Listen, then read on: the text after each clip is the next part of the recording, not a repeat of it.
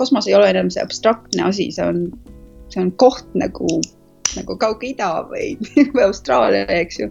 et nagu tegelikult ma enam sõna kosmos eriti ei kasuta, kuna seal on väga nagu spetsiifilised kohad, kuhu me, kuhu me lähme ja mida me, noh, kus me, kus plaani, plaanis on igasuguseid asju teha, eks ju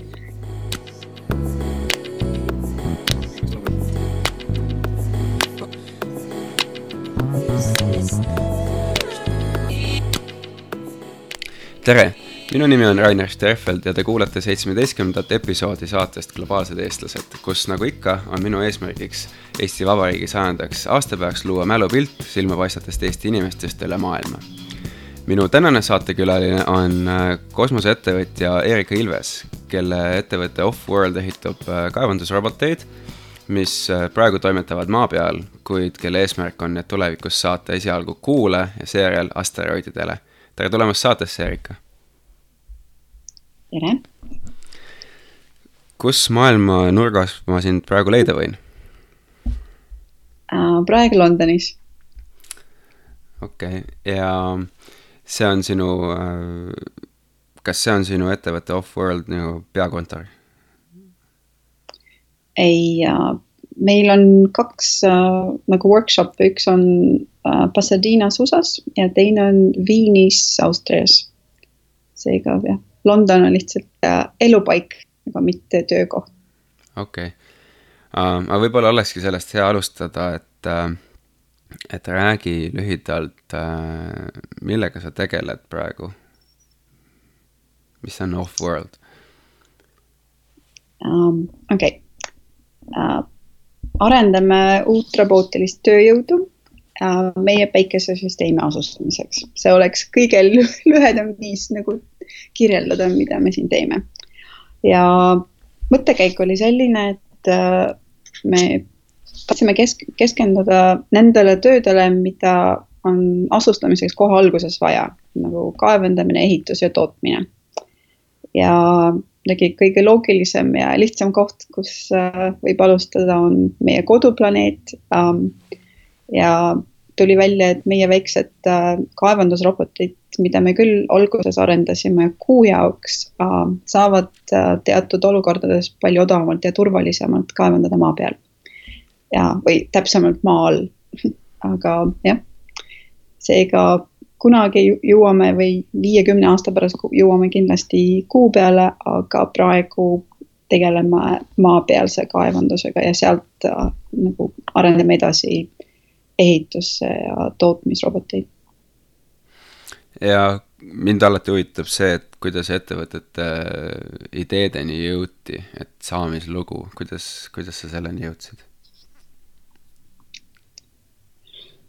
see oli väga pikk tee kuna mina jah, vist erinevalt kõigist teist, no kõigist minu kaasasutajatest, mina just ei kasvanud üles äh, kosmoseunistusega, see ma olen üsnagi, kui päris aus olla, ma kosmose peale eriti ei mõelnud üles kasvades ähm, ja hakkasin alles selle peale tõsiselt mõtlema, kuigi väga abstraktselt, kümme aastat tagasi, kui äh, hakkasin kirjutama raamatut äh, koos autodega äh, inimkonna tulevikust. Ja siis tol ajal hakkas vaikselt kohale jõudma, äh, et kosmosest tuleb meil päris mitu eksistentsiaalset riski. Äh, nagu supernoova plahvatused ja gammakiirgus ja üle kümne kilomeetri asteroidid ja kõik need päikese coronal mass ejections, ma ei tea, kuidas, kuidas neid eesti keeles kirjeldatakse, aga jah, neid on vähemalt need asjad, mida me praegu eriti hästi ei oska ennustada ja siis, kui üks neist juhtub, siis äh, me riskime nagu kogu tsivilisatsiooni lõppu, see oli minu jaoks väga hirmuäratav mõte ähm,. ja siis on need riskid, milles me üldse ei ole teadlikud praegusel ajal ähm,. ja siis kohe noh, mida rohkem ma äh, raamatu uurimises, uurimisel nagu neid äh, globaalseid kas, nagu katastroofe vaatasin, siis tundus kohe väga kõvasti, et ühel planeedil elamine on nagu üpriski hooletu ja kosmose asustamine nagu tundus äh, väga mõistliku elukindlustusena. aga noh, tol ajal ma päris kindlasti ei arvanud, et ma ise kunagi otseselt sellega tegelen, see on nagu pigem nagu sa jõuad arusaamale ja siis äh, jah äh,, liigud edasi, aga siis, kui me raamatu ära lõpetasime, siis äh, ja ühe, ühe raamatu eesmärgiks oli teha nagu agenda inimkonna suurimates äh, probleemides, mis äh,, mis puutub nagu inimkonna ellujäämist ja arengut, see oli nagu üsnagi suurejooneline äh, uurimus, uurimustöö äh.. ja siis selle, kui me raamatu avaldasime, siis ma hakkasin kosmoses nagu hoopis teistmoodi mõtlema ähm,. selles mõttes, et kosmose asustamist ei ole võimalik teha ilma selleta, et me nuputame välja, kuidas teha uh, neid closed loop biologic uh,, bioloogilisi süsteeme, eks ju ja noh, näiteks maa peal me saame hästi noh, kõik nii palju asju hästi, kas hästi lihtsalt või tasuta, eks ju, õhk ja vesi ja nende puhastamine ja süsivesinikud ja taimekasv, kõik need asjad on nagu üsnagi lihtsad. Ja seega meil nagu ei ole eriti põhjust äh, välja nuputada, kuidas äh, nagu seda, et me oma tsüklid nagu kinni panna, eks ju aga noh, kui sa Marsi peal oled, sul ei ole mingit võimalust, sa pead nagu seda probleemi lahendama. ja siis ma mõtlesin, noh, kui me lahendaks äh, selliseid probleeme Marsi või Kuu jaoks, siis võiks äh, seda tehnoloogiat tagasi maa peale äh, importida. ja siis tundus, et mitte ainult me saame nagu nii mitu eksistentsiaalset riski äh, nagu leevendada kosmose asustamisega aga võib ka nagu maapealsed arengud ka nagu aidata. ja, siis olin ma nagu, nagu öeldakse mm., was sold. ja siis oli ainult aja küsimus, kuni ma leidsin täpselt nagu minu kaasasutajaid ja mida me täpselt tegime, aga noh um,. jah, see, see käik oli üsnagi an analüütiline ütleme nii, mitte astronaut, astronaut, kosmonaudiks saamise unistustest ei saanud alguse sa mainisid, äh, et sa ei mõelnud sellest, äh, sa ei mõelnud kosmosest üles kasvades üldse, et võib-olla lähekski päris algusse tagasi, et räägi, äh, kus sa, millises keskkonnas sa kasvasid Eestis? Okei okay, um,. kõige lihtsam on vist seda kirjeldada. ma kasvasin kahe kultuuri tsooni või kultuuriruumi piiri peal ja mis oli tihtipeale konfliktitsoon uh,. isa oli, isa on mul eestlane, kes sündis Kaug-Idas ja ema sündis küll Eestis, aga tema oli Poola päritolu. ja um, mind saadeti nagu esimesse klassi vene kooli, kus oli inglise kollakuga klass. Ja seal olin ma tegelikult ainuke eestlane. See oli päris huvitav kogemus. Um,. ütleme, ütleme nii, et uh, noh, lihtne see tegelikult ei olnud. Um, ja üheksanda klassi uh, lõpus um, rääkisin ma ühe klassikaaslase um, uh, sihuke väike projekt, et lähme siis üle Eesti kooli. ja see oli ka väga huvitav, sest uh, nagu eestikeelset sõnavara meil nagu ei olnud, kuna õpp, kogu õppekava oli muidugi vene keeles ja siis inglise keeles, siis me paigutasime ajalehte kuulutuse, otsisime endale nagu kedagi, kes võiks aidata nagu selle Eesti õppekava, õppekava omandamisega. viis inimest helistasid. Kolm neist ütlesid meile, et see on täiesti võimatu ja kaks neist äh, um, sõimasid päris kõvasti, et miks me siis nagu, et me nagu ei tohiks vene koolist eesti kooli nagu ronida, see oli nagu väga huvitav kogemus. aga noh, muidugi see meid ei peatanud ja siis äh, üheksanda äh, klassi lõpus saime ilusti äh, Tallinna seitsmendas keskkooli, see on vist nüüd Tallinna Inglise kolledž või midagi sellist ähm,. Äh, seega jah, keskkool läks mul siis äh, Eesti koolis, aga muidugi, kui sa oled Eesti koolis ja sa oled kaheksa või üheksa aastat olnud Vene koolis, siis sellega tulevad omaette huvitavad probleemid. Ütleme, et ma elasin tenniseväljakul hoopiski, sest nagu tenniseväljakul neid äh, kultuuri ja keele probleeme nagu eriti ei olnud ja ainuke asi, mis äh, oli oluline, on see, kuidas sa mängisid, et nagu jah. kuuest kuni keskkooli lõpuni on nagu enamus mu elus oli tenniseväljakul seetõttu ja siis, ja siis äh, sa otsustasid, kui keskkool lõppes, siis sa otsustasid minna õppima juuret Tartusse. jah, tol ajal, see oli tuhat üheksasaja üheksakümne viiendal aastal vist, tol ajal oli ainult kaks äh, jah, valdkonda, kuhu inimesed läksid, üks oli juure ja teine oli majandus äh,. ja ma astusin mõlemasse ja valisin juurasse, sest majanduses ma olin esimene, see oli liiga lihtne, siis mõtlesin, et äh, võtame midagi keerulisemat, äh, siis läksin juurasse, aga jah, muidu minu lemmik armastus oli matemaatika ja füüsika.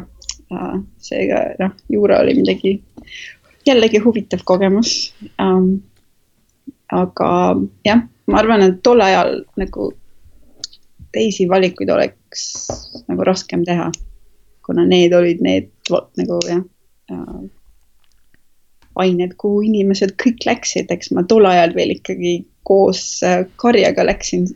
aga jah, see lõppes kunagi hiljem elus ikkagi see oli no, tore, et see ära lõppes kas on mingi selline eriline sündmus või hetk elus, äh, mis viis sind äh, sellistele uutele radadele nii-öelda juurest eemale? Juurest eemale minek oli väga lihtne. Ma vist töötasin ainult mingi vähem kui aasta aega ja oli päris, psühholoogias on üks mõiste hügieenifaktor, tead, kui sa, kui, kui kõik, kui see asi toimib, siis sa ei pane tähele ja kui, kui see asi ei toimi, siis nagu see häirib sind, eks ju. mina tundsin ennast hügieenifaktorina, kui päris olla, kui ma, kui ma jurist olin, et kui ma tegin oma tööd hästi, siis keegi ei pannud tähele ja siis, kui äh, kui ei teinud, siis nagu jah, siis, siis asi, asjad läksid kohe viltu.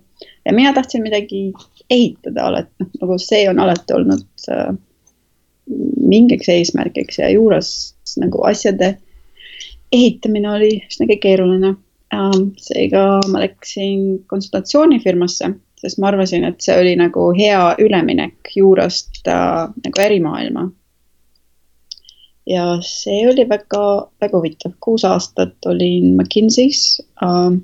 õppisin kohutavalt palju, elasin ümber maailma Aafrikas ja Austraalias ja Singapuris ja see oli, see selles mõttes oli see huvitav, hea aeg, aga mingil hetkel hakkasid mulle kõik need probleemid, mida me McKinsey's lahendasime üsnagi suuremas mastaabis mõttetuna siis tuli aeg ära tulla, sest nagu on päris raske teha sada tundi nädalas, kui sa enam ei usu, et äh, asjal on mõtet ähm,.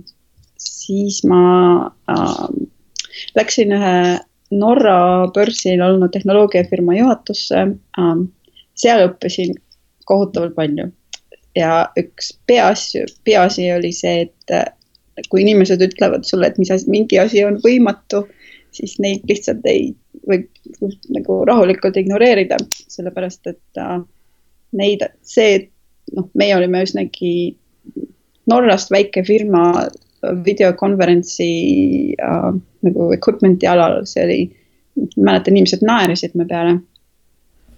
aga siis said meist äh, maailma liider ja lõpus äh, ostis Cisco selle firma ära um,. siis oli jälle nagu uus võimalus teha midagi hoopiski muud um,. Uh, siis ma otsustasin kolida Dubaisse, sest see oli üks, kogu see Lähi-Ida oli üks maailma osa, kus ma pole kunagi elanud ega käinud ega nagu kliente pole kunagi seal olnud. ja tol ajal oli uh, Dubais väga suur huvi uh, pikaajaliste ja suurejooneliste projektide vastu. ja see meeldis mulle nagu kuna ma alati otsisin nagu suuremaid ja suuremaid probleeme ja, ja, ja see oli nagu väga hea võimalus proovida ennast äh, nagu veelgi kõr, nagu kõrge või suuremal tasemel, mis tähendab, mis puudutab probleemi nagu mastaapi võib-olla. siis äh, seal asutasime me konsultatsioonifirmat ja mm, peatööks oli, nagu me teenisime kohalikke valitsusi äh, selle Araabia poolsaare või peninsula, ma ei tea, mis. poolsaar jah ma ei tea, poolsaar um,. ja enam, enam-vähem kogu töö oli teemal, kuidas asendada sissetulekut nagu õli sissetulekut uute energia ja tehnoloogia har-, tööstusharudega uh,. mis, noh, mis oli väga huvitav ja samal ajal me hakkasime kirjutama oma raamatu inimkonna tulevikust, kuna kui sa, kui sa päevast päeva teed tööd, kus on kolmekümne, viiekümne, mõnikord saja aastased äh, nagu ajapikkused, mida, mille peale sa mõtled, siis nagu sealt tuligi nagu see huvi selle vastu, mis, mis okei okay,, see on nagu üks osa maailmast, aga mis oleks kogu, meie kogu inimkond ja meie kogu tsivilisatsioon.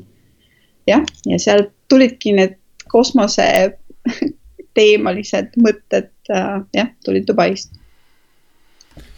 ja äh, nüüd, kui ühendada kaks punkti kokku, et sa ütlesid, et kui sa kasvasid, sa väga palju kosmose peale ei mõelnud.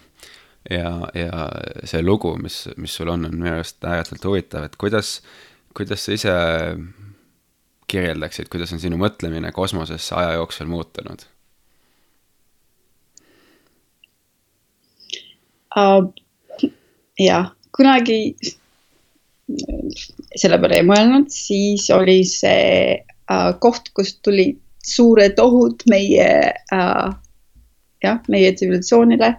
siis ma nägin seda suure võimalusena ja nüüd on see, see ei ole enam, kosmos ei ole enam see abstraktne asi, see on, see on koht nagu, nagu Kaug-Ida või, Austraalia, eks ju et nagu tegelikult ma enam sõna kosmos eriti ei kasuta, kuna seal on väga nagu spetsiifilised kohad, kuhu me, kuhu me lähme ja mida me noh, kus me, kus plaani, plaanis on igasuguseid asju teha, eks ju.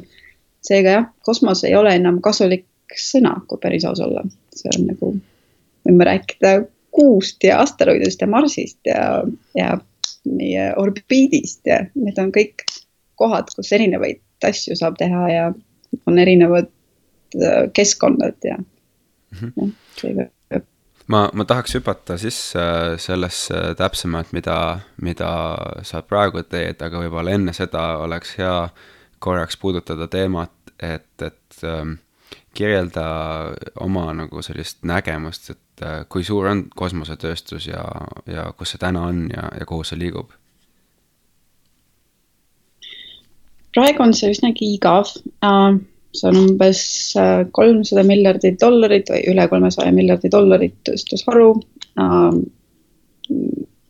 enne, ma ei tea, isegi viis aastat tagasi umbes pool sellest oli valitsus, nagu valitsuskulud nüüd õnneks see, see osa nagu läheb väiks-, jääb väiksemaks ja väiksemaks ähm,. protsentuaalselt siis? protsentuaalselt jah mm -hmm. ähm,, jah, see, see kogu haru kasvab ähm, aga enamus on siiamaani ikkagi kommunikatsioonisatelliidid ja siis kogu see transpordi ja, ja nagu maapealne infrastruktuur nende ähm,, nende, nende, jah, mida on vaja nende toetamiseks ähm,. ja me eriti, eriti kuhugi ei lähe, käime ümber, ümber maakera ringis praegu ähm,. aga noh, mõned meist töötavad ka nagu projektidel, mis, mis viivad meid meie orbiidist edasi um,. et mina vähemalt loodaks küll, et oma eluajal näha um, ma ei tea, kas tuhandeid või vähemalt sadu inimesi um, kuu ja maa, maa vahel ja siis võib-olla tuhandeid uh, Marsi peal. et nagu majanduslikult on see üsnagi ja nagu huvitav, et selles mõttes, et äh, tegelikult on üsnagi vähe asju äh, peale orbiiti nagu asendit ja ütleme, seal orbiidis saab igasuguseid asju nagu saata äh, maa peale, mitte ainult nagu kommunikatsioonisignaale, eks me võime ka oma päikese solar farms, ma ei tea, päikese, sa mõtled, sa mõtled päikse, päiksepaneelide nii-öelda tuule, nii-öelda nagu tuulepargidega päiksepargid siis?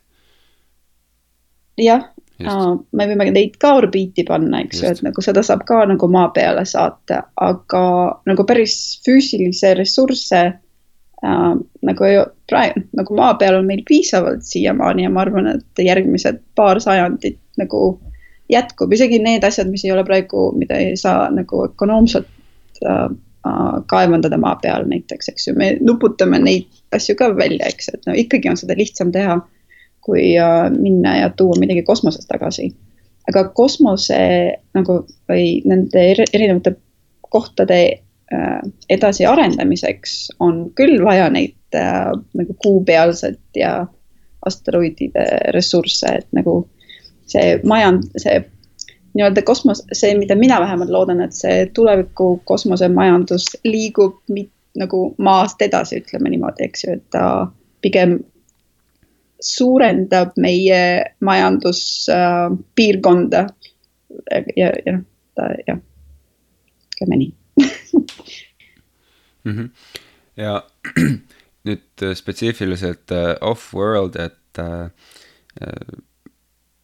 te alustasite kaevandusrobotite ütleme arendusest maa peale, et mida, mida need kaevandavad maa peal uh,? Met-, metalle ja uh, diamonds. teemanteid mm. -hmm. ja, ja nende, nende suurus on kui suur, kui suured need kaevandusrobotid on? viiskümmend kuni sada kilo mm. -hmm. päris väiksed mm. -hmm ja. Nad peavad väiksed olema, sest me ei saa neid äh, muidu kuu peale nii edasi, edasi saata, et meil mm -hmm. kaevandusmasinad äh,, mis maa peal on, need on, võivad olla nelisada viiskümmend tonni seega noh, täiesti võimatu on sellise jah, tehnoloogiaga edasi nagu töötada teistes äh, kohtades no.. ja kuidas nad maa peal, kuna maa peal on ka teised tööriistad olemas, et kas te püüate maa peal emuleerida täielikult olukorda, nagu nad oleksid asteroididel või kuul või te püüate nagu koos toimida koos teiste olemasolevate inimeste ja tööriistadega? lõpueesmärk on tegelikult nagu vähemalt maal olevate inimeste ja masinate asend, täielik asendamine um, noh, päris kindlasti ei saa seda teha üleöö, võtab ikka päris mitu aastat, aga idee on selles, et äh, tegelikult nagu kahekümne esimesel saja, kahekümne esimene sajand on huvitav aeg, kus võib äh, hoopiski teistmoodi asjadest mõelda, eks ju. kui me poleks siiamaani kunagi kaevandanud maa peal ja kui me, kui meil oleks praegu kõik riistad, mis meil praegu olemas on ja kui ma alustaks algusest peale, kuidas kaevandus kui tööstusharu võiks maa peal toimida, ma arvan, see näeks välja nagu see, mida me nagu, mis, mis meil oli meeles ka kuu jaoks. ja mitte nii, nagu ta praegu meil toimib, sest praegu meil, noh, see on üsnagi, see on väga ohtlik. me puurime ja siis nagu kasutame lõhkeaineid ja hästi-hästi suuri ja raskeid masinaid, see on, see on, ma ei tea, meil on, meil on umbes kakskümmend miljonit inimest ümber maailma praegu nagu selles tööstusharus uh,. umbes pool nendest on uh, suurtes firmades, kes nagu kasutavad seda nagu kaasaegset tehnoloogiat või kaasaegset eelmistes, eelmise sajandi tehnoloogiat, ütleme niimoodi um, ja nagu inimesed surevad meil, nagu inimesed jäävad haigeks, pool, pool miljonit inimest jääb haigeks iga, iga, iga aasta, see on noh. minu, minu arvates olles maal käinud ähm, ja seal, mina sain seal viibida ainult kolm-neli tundi, kuna ma lihtsalt enam füüsiliselt ei, ei suutnud, eks ju, aga noh, see on nagu põrgu maa peal ähm,. seega me päris kindlasti tahame seda asendada, aga mitte nagu jah. see on üsnagi ja see on, käisime Platina mm, yeah, Lõuna-Aafrika maal kaevandustes ja siis jah, see on üsnagi sügav, noh või neid ei pea sügav olema, aga ta võib olla sügav äh,.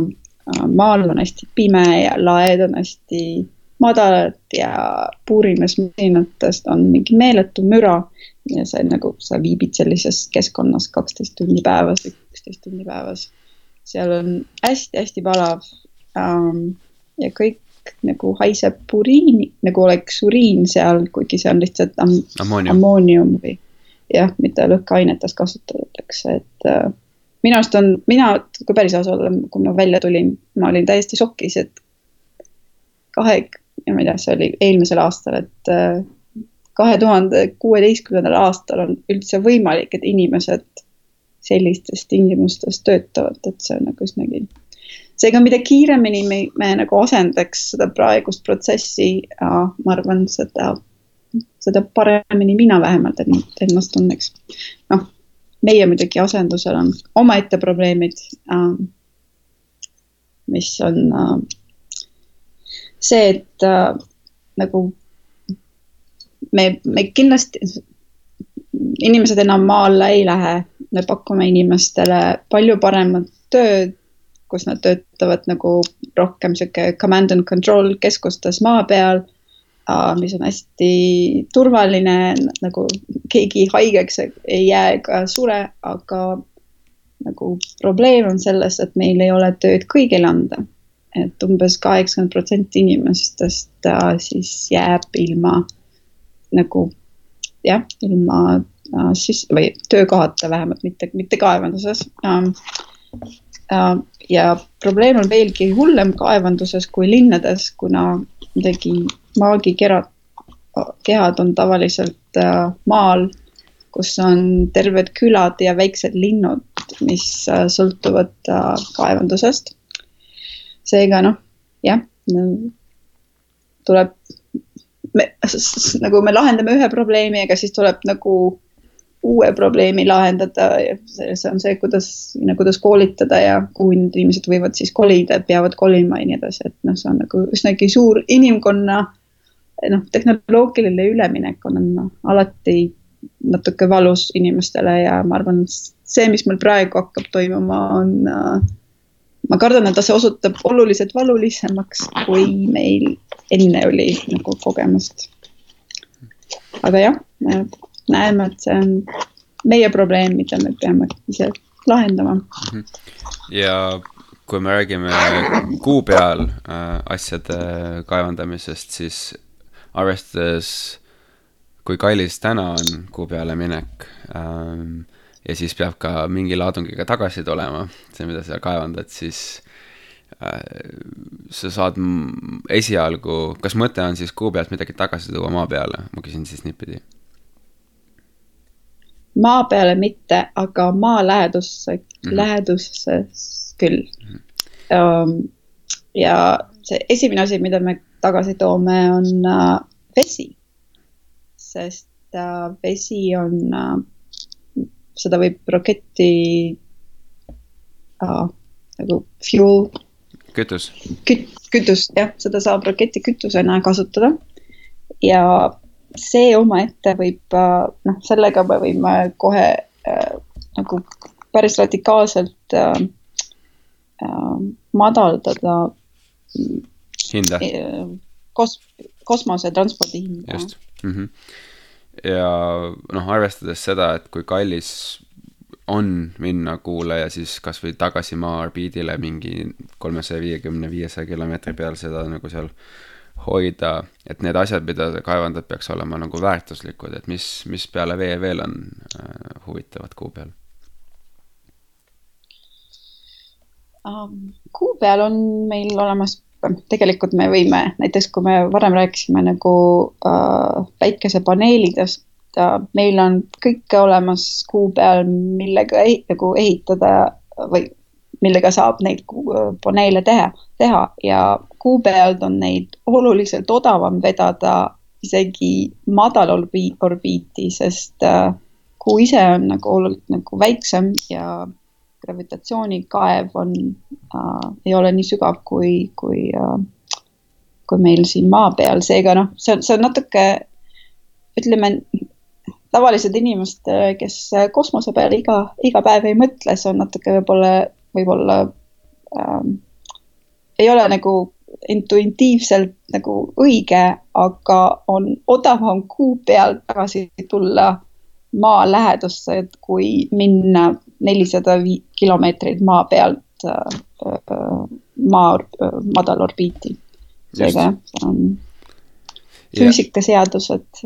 kui kaua, kui kaugel sa arvad, et teie ja, ja inimkond üldse on, et sellest, ähm, et sellest saab reaalsus?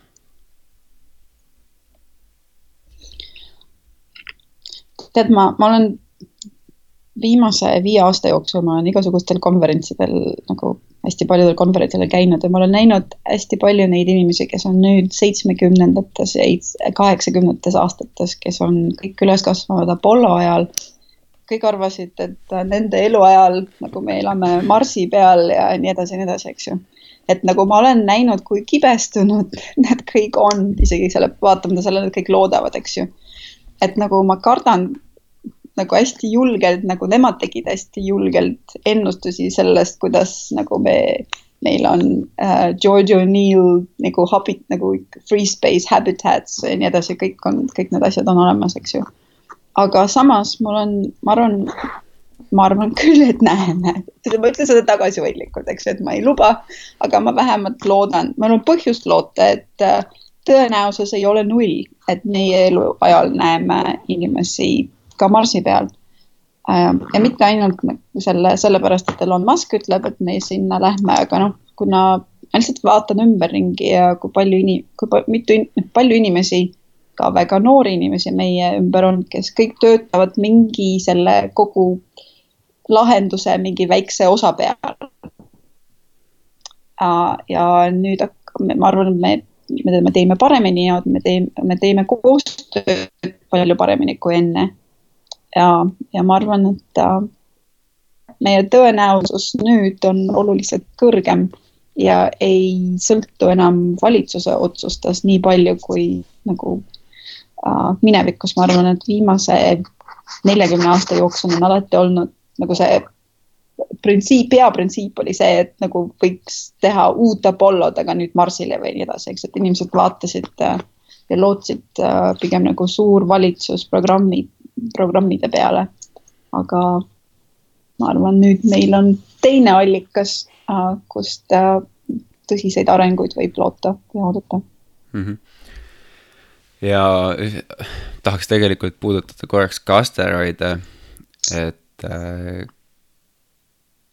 kui kuu, kas, et kui kuu peal on äh, mõte esimes, esimesena minna kuu peale, peale, peale maa, et mhm. siis järgmine oleks asteroidid et äh, kui paljusid asteroide te praegu ise nii-öelda monitoorite või järgite, jälgite, et äh, mis pakuvad üldse huvi. et äh, üritatakse aru saada lihtsalt sellest skaalast, mis on nagu jälgimise, ütleme, jälgimise all. no meie kolleegid ast-, nagu praegu asteroidi kaev, nii-öelda kaevandusfirmad on tegelikult pigem asteroidide prospecting firmad, eks ju, et meid on neid praegu kaks, võib-olla isegi kolm võib öelda ja siis on meil ka mitu valitsusprogrammi nii Euroopas kui USA-s kui Jaapanis kui Hiinas, kes kõik vaatavad, et nagu jah, isegi on võib-olla võimalusi, et äh, ei, võime ähm, maa lähedusest näha piisavalt, et äh, juba minna mitte äh, proovi võtmiseks, vaid nagu me võime, võime päris suure kindlusega öelda, mis see koostis on. noh, see, see tehnoloogia on alles praegu sai äh, NASA granti, et nad siis arendavad praegu. me ise aktiivselt nagu selle vaatamisega ei tegele, eks ju, meie esi, nagu meie, meie oleme keskendunud pigem no selle kaevanduse nagu endale, eks ju, et äh, selles mõttes, et äh, ja kuu oli sellepärast valitud, et me enam-vähem teame, mis meil kuu peal on ja kus näiteks jäävesi on täpselt. et ja ta on lähedal ja need kommunikatsiooni um, delays noh, nad on väga paar sekundit, mitte, mitte, mitte mit, nagu minutid või isegi tunnid um,. seega on nagu jah, seal on raske, oluliselt lihtsam opereerida um,. Ühesõnaga jah, meie eesmärk on nagu uh, kaevandamine ise um, aga jah, kui me valmis oleme ja kui meie sõbrad leiavad äh, äh, häid asteroide, siis me võime neile ka oma roboteid müüa, seega jah, eks me siis. kes need äh, kaks-kolm äh, prospecting ettevõtteid on täna uh,? So, so meil on Planetary Resources uh,, siis meil on Deep Space Industries ja see uus firma, noh, suhteliselt, suhteliselt uus firma Trans, Transastra äh, just sai NASA-lt äh, äh, suure grandi oma tehnoloogia arendamiseks. Need on nagu kolm peategijat mm. -hmm. mis sa, mis sa arvad äh, ütleme multiplanetaarsest elust meie päikesesüsteemis? Tuleb Selle..., tuleb ära teha. tuleb ära teha. Väga lihtne. Väga hea lühike vastus. Aga, aga ma läheks tagasi ähm,, tuleks korraks tagasi Eestisse ja, ja nii-öelda räägime korraks Eestist ka, et, et sa oled nüüd üle maailma reisinud ja töötanud ja kokku puutunud inimestega et kui keegi küsib, kus on Eesti ja võib-olla veel enam, milline on Eesti, siis kuidas sa vastad? tead, viimase viie aasta jooksul eriti enam ei küsita, et nagu äh, ütleme siis, kui viisteist aastat tagasi, kui ma olin väljas, siis oli see nagu jah. seda, seda küsimust kuulsin ma väga tihti, aga viimase viie aasta jooksul kuidagi Eesti on nagu rohkem tuntud, seega enam ei küsita, kus ta on või ka noh, milline ta on, võib-olla ehk mõnikord küsitakse küll jah. aga noh, inimesed kipuvad midagi, nad ikka teavad, kas, kas keegi teab sellest, et nagu õpila-, nagu me õpetame programmeerimist hästi varakult, nagu see on üks asi, mida inimesed nagu hästi palju teavad või siis Skype'is teavad või siis äh, äh, digitaalid, nagu see digital ID nagu inimesed teavad, et nagu ikkagi jah, sa ei ole, ei ole enam täiesti tundmatu riik kuskil Põhja-Euroopas. aga kui küsitakse, siis ma alati, alati ütlen väike ja kartmatu. no näed, see on üsna hea vastus äh, rääkideski sellisest, ähm, sellistest voorustest, et mis sa arvad, mis on meie sellised tugevused, mis aitavad meil rahvusvaheliselt ähm, hakkama saada tead jällegi, kuna ma ei ole ise eest, ühegi eestlasega töötanud vii, viimase viie aasta jooksul ähm,, seega nagu ma päris üldistada, ma kardaks natuke, aga ma ei tea, enda põhjal võin küll öelda, et üks asi, mida, mis tavaliselt inimesed, inimesi natuke üllatab ja siis osutub tihtipeale positiivseks, on otsejoonelisus. et nagu seal jah inimesed usaldavad, kus, kui sa oled ebatavaliselt otsejooneline, siis inimesed kipuvad sind usaldama kiiremini ja ähm, alati võid ar, võivad arvestada sellega, et sa ütled nii, nagu sa asju näed, et nagu see, see on olnud väga kasulik. ja millised oleks äh, võib-olla need omadused, mida me võiksime parandada oma kas oskustes või, või käitumises, et, et meil läheks veel paremini võiks inimestega vahest ka rääkida uh, jah uh,, väikse riigi kompleks on uh, mõnikord takistuseks uh,. ma ei tea val, valjem ja enesekindlam võiks olla küll. see võib-olla äkki tuleb ajaga, kui tuleb natuke rohkem kogemusi ja natuke rohkem leverage ja aga eh, Eesti Vabariik saab aasta pärast saja-aastaseks. me just äh,, täna on meie kahekümne seitsmes veebruar kaks tuhat seitseteist, ma unustasin alguses öelda. nii et alles tähistasime üheksakümne üheksandat aastapäeva. et äh, milline oleks sinu soov Eesti sajandaks sünnipäevaks um,?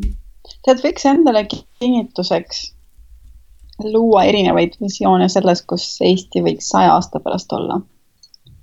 Ja mis, mis asja sõna Eesti üldse võiks aastal kaks tuhat sada kaheksateist tähendada. et ähm, ma ise olen tihtipeale mõelnud, et pikemas perspektiivis on vist kõige huvitavam, kõige huvitavam asi on see, et nagu kui unikaalne või omapärane kellegi mõt- või inimeste mõtlemisviis ja maailmavaade on sest minu arvates, vähemalt minu kogemuse põhjal, see ennustab seda, kel, kes sust saab ja mida sa elus saavutad ja kuhu sa jõuad ja nii edasi, et ähm, jah, ma ei tea, kas võib-olla minu kogemus on natuke aegunud nüüd, aga noh, ma mäletan väga hästi, et kui ähm,, kui ma Eestis ise üles kasvasin, siis äh,, siis vahepeal oli väga selge, kes me oleme, kes nagu, kes eestlased olid, sest äh, äh, oli väga selge, kellele nagu tuli vastu seista.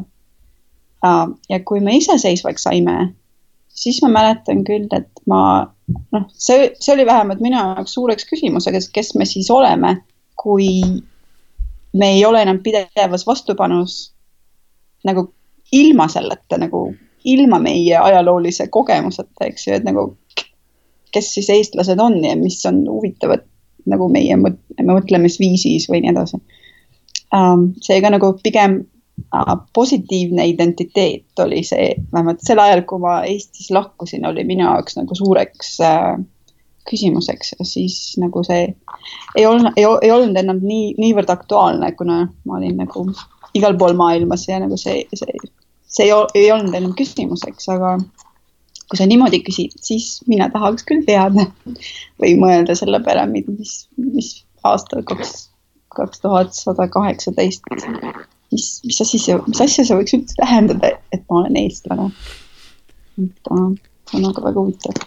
see on väga huvitav, et sa seda mainid, sellepärast et oma esimese võib-olla, ma ei mäleta täpselt äh,, viie-kuue äh, saate jooksul ma küsisin, mul oli see küsimus, et milline võiks olla Eesti saja aasta pärast ja, ja ma tajusin, et kuigi ma rääkisin tõesti meie parimate peadega, siis tegelikult ta, see on niivõrd suur küsimus, esiteks inimesed ei ole mõelnud selle peale ja, ja siis niimoodi mm. kiirküsimuse käigus kuskil podcast'is võib-olla ei jõuagi nagu väga hea vastuseni, et see nõuab natuke rohkem süvenemist ja, ja ma arvan, et see on äh, ääretult oluline küsimus, sest et maailm muutub nii palju, eks ole, et ilmselgelt on üsna raske ennustada, et kui sa võtad täna sada aastat tagasi ja siis mm. eritaksid panna ennast nende inimeste nagu olukorda, et ennusta nüüd, mis saja aasta pärast juhtub, siis nad ei, nad oleks üsna, üsna suure tõenäosusega mitte arvanud, mis praegu toimub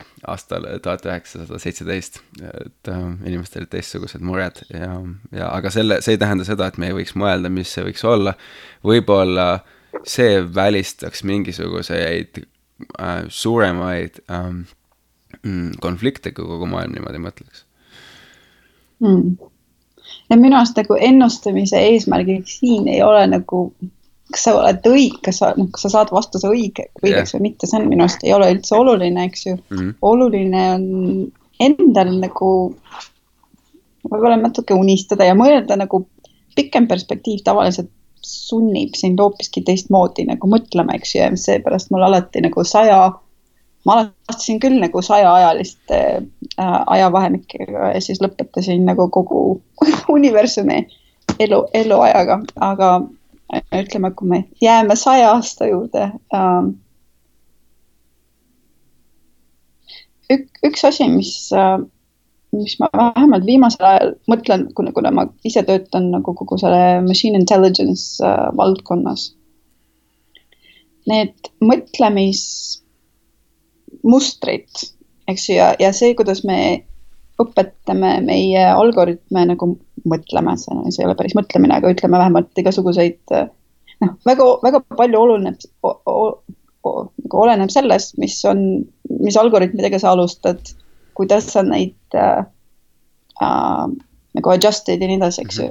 ja siis mina, noh, nagu inimeste puhul ei ole see tegelikult eriti äh, teistsugune ka selles mõttes, et see, kus sa kasvad, meil on, ma ei tea, nelikümmend, viiskümmend tuhat päeva, eks ju, siin maa peal, noh, oleneb muidugi, kui kaua sa elad, eks ju, aga noh, kogu selle aja jooksul me saame informatsiooni, eks ju, ja siis me, me teeme sellega midagi, eks ju, ja siis me õpime ja me näeme igasuguseid mustreid ja nii edasi. Ja see meta, metakoht või no mis, mis minu jaoks ongi see nagu mõtlemisviis või mõttemaailm ja nii edasi. see, see asi minu arust on see nagu fundamentaalne nagu tase, mis, mis laseb meil küll nagu mõelda nagu sajandites, eks ju. sest kui, kui me unustaks ära kogu selle nagu müra, eks ju, et nagu mis tehnoloogiat me kasutasime või noh, läbi aegade, eks ju, ja siis nagu vaatasime, kuidas inim-, nagu inimesed Eestis nägid ennast ja maailmas ja nii edasi, eks ju. See on hoopis teistsugune ajalugu minu arvates, minu arvates või ta ei ole teistsugune, aga ta on, ta on ta sunnib meid minna, minema kuskile põhjalikumale tasemele. ja see, et näiteks, et see podcast on üldse olemas on ja sihuke nagu mõte nagu globaalsed eestlased üldse olemas on, see on minu arust väga huvitav um,. võib-olla kunagi saja aasta pärast see ei olegi nagu eestlased ei olegi enam seotud konkreetse kohaga, eks ju, kuigi me võime kõik oma juuri nagu sii-, sinna Eestisse nagu, nagu neid jälgida, eks ju, kust, kust nad alguse said. aga see ongi hoopiski nagu väiksest pimedast kohast, aga natuke kartmatu ja kes said äh, ellu jääda. Noh, vaata, meie ajalugu on väga huvitav, eks ju, et, et nagu nii, me saame küll sajaaastaseks, aga me oleme seal maatüki peal olnud päris tükk aega, eks ju. Ja see, et me rahvusena üldse ellu jäime, on jällegi minu jaoks kohutavalt huvitav, et mis, mis meie iseloomus ja meie kultuuris ja meie mõtlemisviisis on midagi sellist, mis võimaldas meid nagu mitte uh, yeah, dissolve in the, you know, in other nationalities. see on, see võib väga kasulik olla. Um, ma, ma küll ei ole nagu konkreetselt nagu Eesti nagu jah, Eesti mõtlemisviisi peale nagu hästi kõvasti mõelnud, mina olen nagu ka inim, inimkonna kui ja inimkonna mõttemustrite peale nagu ka mõelnud, et nagu natuke teisel tasemel, aga noh, minu arust on see väga huvitav küsimus. väga hea vastus noh, Eesti on üldiselt selline, ongi selline suur fusioon, et sa ütlesid, et, et, äh, et sa imestasid, kuidas eestlased pole kuidagi teiste rahvaste sekka ära kadunud või assimileerunud, aga, aga samas kõik kes on Eestis võimul olnud, on mingil määral segunenud, eks ole, eestlased on ikkagi segunenud ja mm. ja mingil, midagi sellel maal meil on, mis on selline fusioon, mis muudab kõik, kes siin, kes siin käivad, kuidagi sarnasemaks. see loodus mm. ja see mõttelaad, et seesama pimedus, mis sa ütlesid ja meid on ju praegu jah, me mõtleme, et meil on nii vähe, eks ole, tegelikult meid on olnud ikka õige vähe, et pärast Põhjasõda võib-olla viiskümmend kuni sada tuhat jäi alles, nii et noh, et üsna, üsna kange rahvas äh,. jah äh,, ma küsiks paar. seda, seda, seda, seda, jah. ja ma just tahtsin öelda, et seda kangust võiks nagu minu arust nagu inimkonnal terviklik, tervikuna on nagu suurem võimalus ellu jääda pikemas aja nagu perspektiivis, kui on rohkem seda kangust, seega noh, ma näen küll, on kasulikke asju, mida eestlastel on. no tahaks loota, et, et äh, see mõtteviis ütleme levib et praegu on lihtsalt objektiivselt erinevad äh, huvid, ütleme, erinevatel osapooltel ja, ja inimesed ei vaata nagu nii kaugele võib-olla. Võib-olla, võib-olla mõnede eranditega. Mm.. et äh, ma küsiks äh, mõned viimased küsimused veel, et, et ma tean, et sa pead minema. et kui sa kohtuksid oma kahekümne aastase minaga, siis mida sa soovitaksid või ütleksid endale? Kahekümne aastasena olin, ma vist lõpetasin Tartu ja astusin edasi magistratuuri, edasi juurat um,. ma ei tea, võib-olla ühelt poolt oleks öelnud, miks nagu vaheta nüüd kohe ära ja mine tagasi füüsikasse, aga teiselt poolt on nagu, on see availability bias on ka olemas, et selles mõttes, et ma tean, mis juhtus siis, kui ma jätkasin edasi juuraga ja see viis päris huvitava eluni, seega noh, ma ei tea, kas ma soovitaks endale oma valikuid muuta tegelikult. võib-olla ainuke asi oli, võib-olla oleks see, et äh, võiks mitte, võiks alustada mitte jälgida teiste inimeste äh, äh, rad-, rad-, nagu. radu. jah, radu elus äh, varem. et ma, ma, ma, mul ei olnud seda julgust kahekümne aastasena, et see ikka võttis veel paar aastat enne seda, kui ma julgesin mm. -hmm. Nimeta või kas sa oskad nimetada mõned äh, raamatud, mida oled kas elus äh, enim kinkinud või mis on sind kõige enam mõjutanud?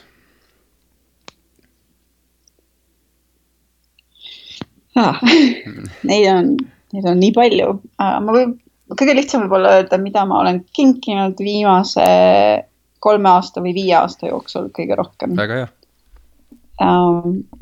viimase kaheteistkümne kuu jooksul on see olnud uh, Hiina ulmekirjaniku äh, triloogia Three Body Problem äh,. seda ma soovitan absoluutselt kõigile äh,, kellel on huvi nagu inimkonna saatuse äh, vastu. see jah, see The Three Body Problem on tõesti suurepärane um,. siis äh, David Deutsch The Beginning of Infinity. see on mingil moel on see samal teemal, aga see ei ole nagu jah, see oli, see ei ole ilukirjandus, pigem nagu case, miks, miks me oleme tegelikult päris ähm, vahva tsivilisatsioon ja miks me peaks jätkama. ja siis äh, kolmas olek on, on, on olnud uh, Zero to One, mis on selle Peter Thiele oma ähm,, mis, mis on hea hea viis, kui ei ole julgust teha asju, mida teised inimesed arvavad, on võimatud, siis ma arvan, zero to one on nagu päris efektiivne viis äh, enda, enda seda julgust kogeda ja, ja mõelda hoopiski enda moodi, mitte teiste inimeste moodi. Erika äh,, ma tahan sind väga tänada, et sa võtsid selle aja siia saatesse tulla, äh, väga tore oli vestelda ma loodan, et meil õnnestub veel äh, sinuga kokku saada ja kui ma Londonisse satun, et ma annan endast märku. või siis San Franciscos, märtsi lõpus olen San Franciscos no,. saame kokku. head saatekülalised, sellega on meie tänane saade läbi. kui teil on mõtteid, kommentaare või soovitusi, kellega me võiks veel rääkida, saatke palun mulle email globaalsed eestlased at gmail.com. Kuulmiseni